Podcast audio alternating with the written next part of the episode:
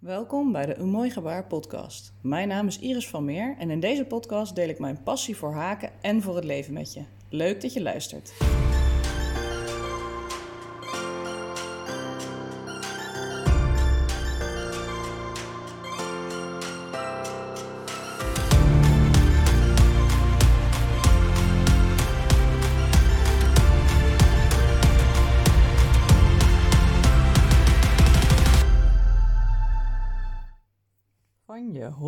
Maken. Wie wil dat nou niet?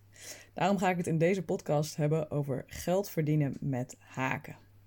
Ik moet daar meteen wel even bij zeggen: wie van zijn hobby zijn werk maakt, heeft daarna geen hobby meer. Hoe blij ik ook ben met mijn eigen bedrijf, in deze tweede stelling zit ook zeker een kern van waarheid.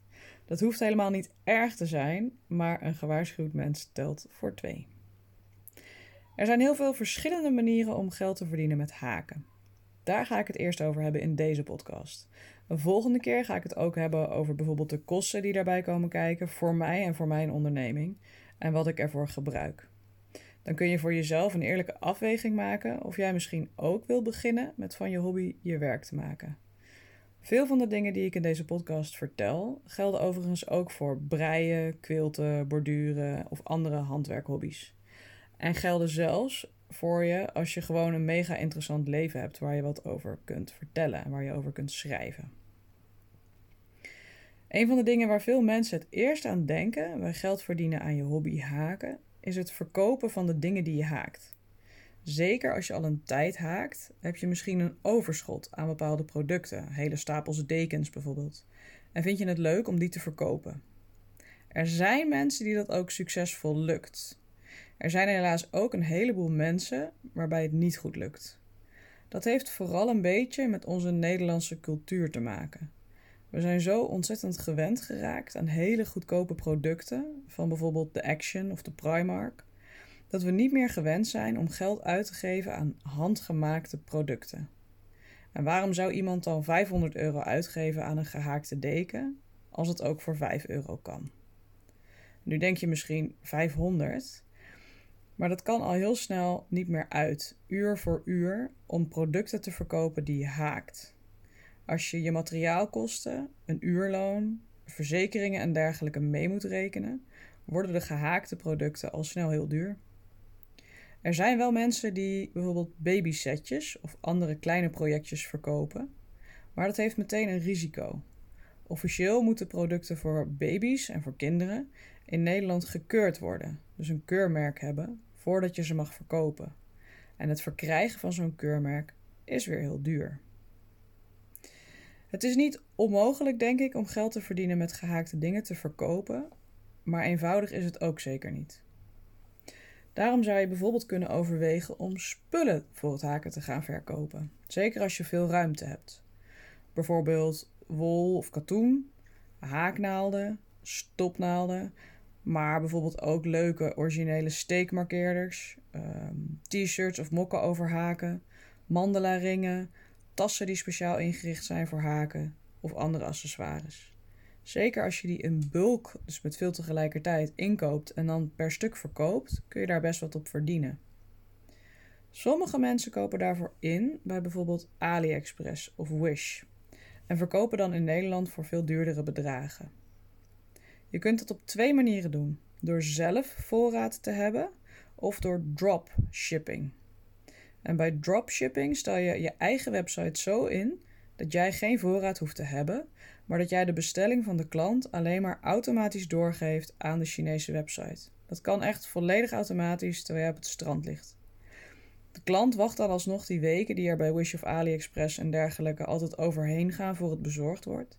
En heeft net zulke beroerde klantenservice.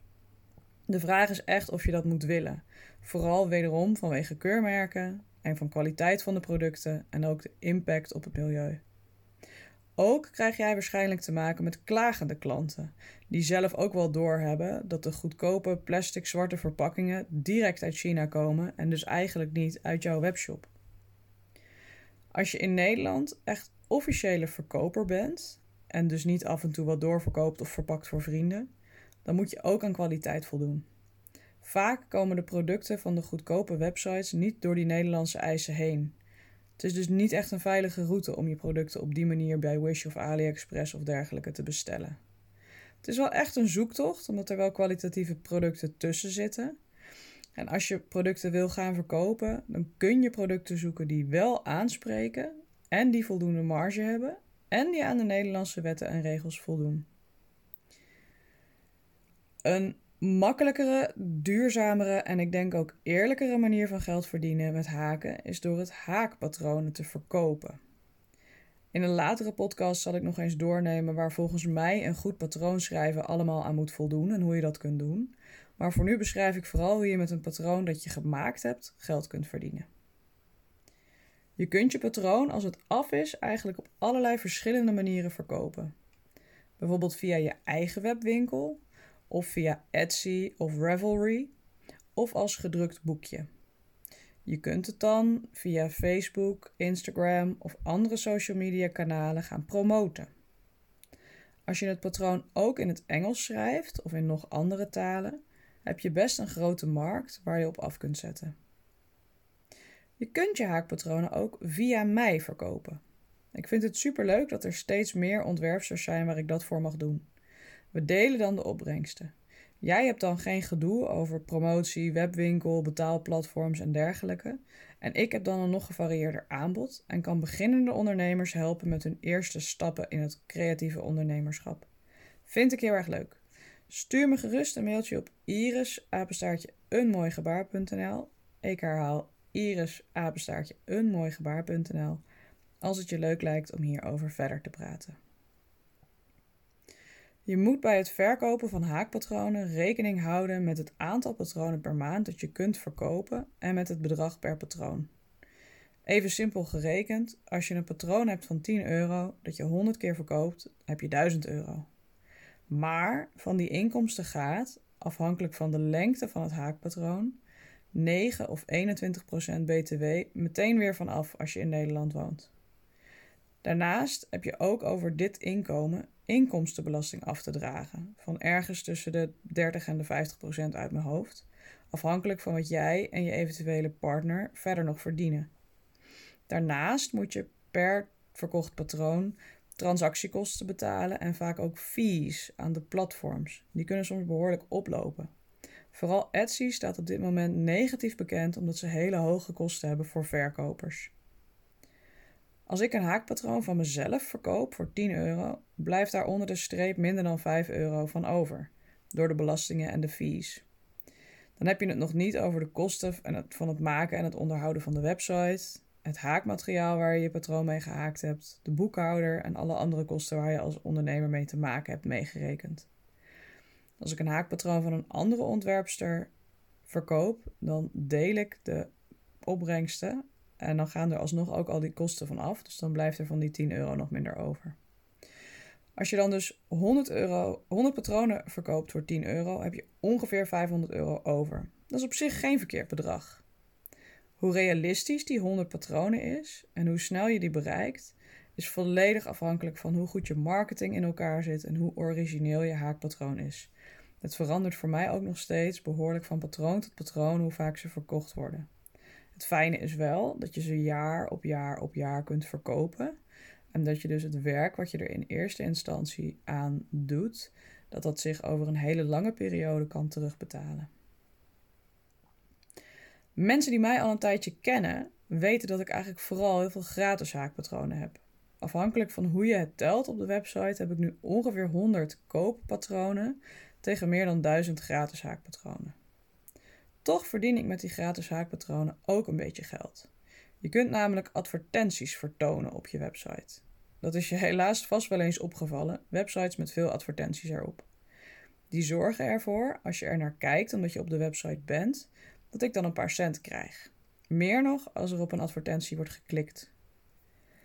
Deze inkomstenbron werkt vooral als je echt veel verkeer naar je website toe weet te lokken. De combinatie werkt vaak ook goed een gratis haakpatroon op de website zetten, met dan een betaalde, advertentievrije PDF voor mensen die dat prettiger vinden werken. Dan kun je zowel mensen met een kleine als met een iets grotere beurs bedienen. Je kunt je daarvoor vrij gemakkelijk aanmelden bij Google AdSense. Dat is een advertentieplaatsplatform. Je verkoopt dan als het ware advertentieruimte op je website, waar Google dan advertentie op zet. Je hebt geen exacte invloed op wat voor advertenties er getoond worden. Dat ligt aan de cookies en het zoekgedrag van degene die op jouw website komt. Als iemand bijvoorbeeld gezocht heeft naar een vliegvakantie naar Thailand, dan zal diegene veel reclames van reisbureaus voor reizen naar Thailand tegenkomen, ook als jij over haakpatronen schrijft. Dat is misschien verwarrend, maar dat is hoe het internet werkt. De advertentie waar het meest waarschijnlijk een dure aankoop uitkomt, die worden het beste verkocht en dus het meeste geplaatst, door in dit geval Google. Je kunt wel een aantal voorkeuren aangeven. Zo wil ik op mijn website bijvoorbeeld geen pornografische reclames en ook geen reclames voor gokken. Daar sta ik moreel niet achter en gelukkig kun je dat aangeven bij het advertentieplatform. Google AdSense neemt eigenlijk alle websites aan, zeker als je een blog over haken of zo begint. Dat is het absolute voordeel. Je kunt als prille beginner dan je eerste centen gaan verdienen. Ik heb nog dagboekjes liggen waarin ik tekende hoeveel cent het per dag was. Soms was het 9 cent, soms 11. En dan was ik heel erg trots als het een keer 15 cent was. Leuk hoe die tijden inmiddels veranderd zijn en mijn bedrijf gegroeid is. Een nadeel van Google AdSense is dat je gewoon een nummertje bent, omdat er miljoenen websites bij zijn aangesloten. De klantenservice is moeilijk of eigenlijk gewoon niet te bereiken en je moet veel, veel zelf uitdokteren. Een ander nadeel is dat ze relatief weinig betalen. Dat betalen gaat per advertentieweergave. Hoe meer mensen op een pagina komen en hoe meer advertenties ze daar zien, hoe meer je betaald krijgt. Als je website dan eenmaal groter is gegroeid, dan kun je overstappen naar andere aanbieders van advertenties. Die betalen meer, hebben betere dienstverlening en kunnen advertenties ook relevanter instellen. Enkele voorbeelden daarvan zijn bijvoorbeeld eZoic en Mediavine. Daar kun je je pas bij aansluiten als je website een bepaalde aantal bezoekers heeft of in een bepaalde taal geschreven is of andere eisen aan kunt voldoen. Die kun je gelukkig goed vinden op het internet. Die advertenties die kun je niet alleen op je website vertonen, maar ook op YouTube. Dat gaat ook via Google AdSense. Daar zijn een aantal voorwaarden aan verbonden. Je kanaal moet minimaal 1000 abonnees hebben en ook een minimaal aantal kijkuren over de afgelopen maand. Kijkuren zijn gewoon de minuten bij elkaar opgeteld dat mensen naar al je video's hebben zitten kijken. Afhankelijk van hoe goed je marketing in elkaar zit, hoeveel mensen je zelf kent en hoe actief je video's wilt maken, kun je hier langer of korter over doen om die drempel te bereiken voordat je uitbetaald kunt gaan worden. En als je die drempel hebt bereikt, betaalt YouTube ongeveer 1 euro per 1000 weergaven. Dat is een vrij grove schatting, maar eentje die voor de Nederlandse markt eigenlijk wel ongeveer klopt. Ik krijg zelf ongeveer 15 euro per maand van YouTube. Dat is geen vetpot, dus daar moet je het niet direct voor doen. De video's zijn wel vaak kort, maar het proces van video's maken met voldoende licht, duidelijk materiaal, rustig gesproken, niet veel fouten, dus het moet vaak opnieuw. En daarnaast moet je dan nog knippen en bewerken. Dus alles bij elkaar een behoorlijke klus. Je kunt er rijk mee worden, maar de kans dat je met videotutorials van haken echt rijk gaat worden op YouTube is niet enorm groot. Het is wel een hele goede combinatie met de andere verdiensten, omdat mensen je dan op YouTube kunnen leren kennen. En omdat je dan bijvoorbeeld lastige stukken in je patronen goed in beeld kunt brengen.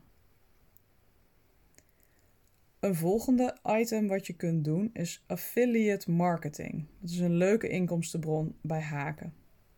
Het betekent dat jij reclame maakt voor producten of diensten van andere mensen of bedrijven.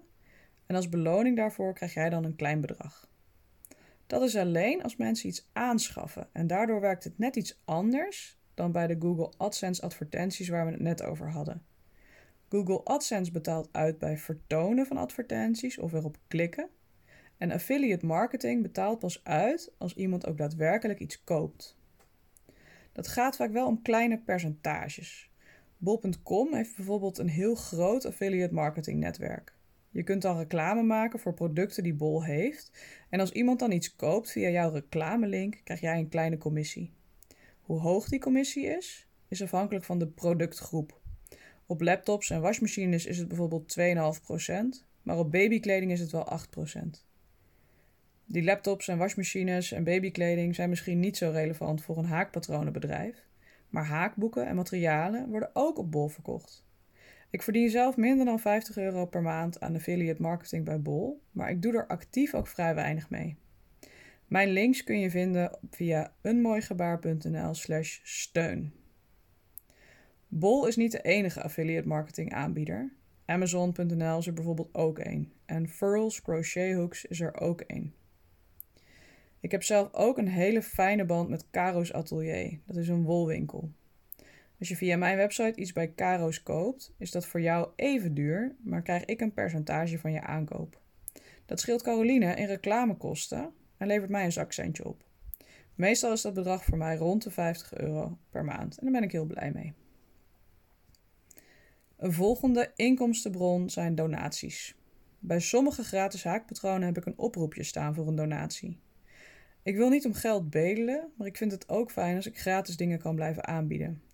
De website is flink duur geworden door al het onderhoud en door alle mensen die er naartoe gaan. Oppas voor vier kinderen als ik werk is ook niet helemaal gratis en daarom probeer ik op verschillende manieren aan inkomsten te komen. Donaties voelen fijn omdat mensen helemaal zelf kunnen bepalen of ze er wel of geen geld voor over hebben.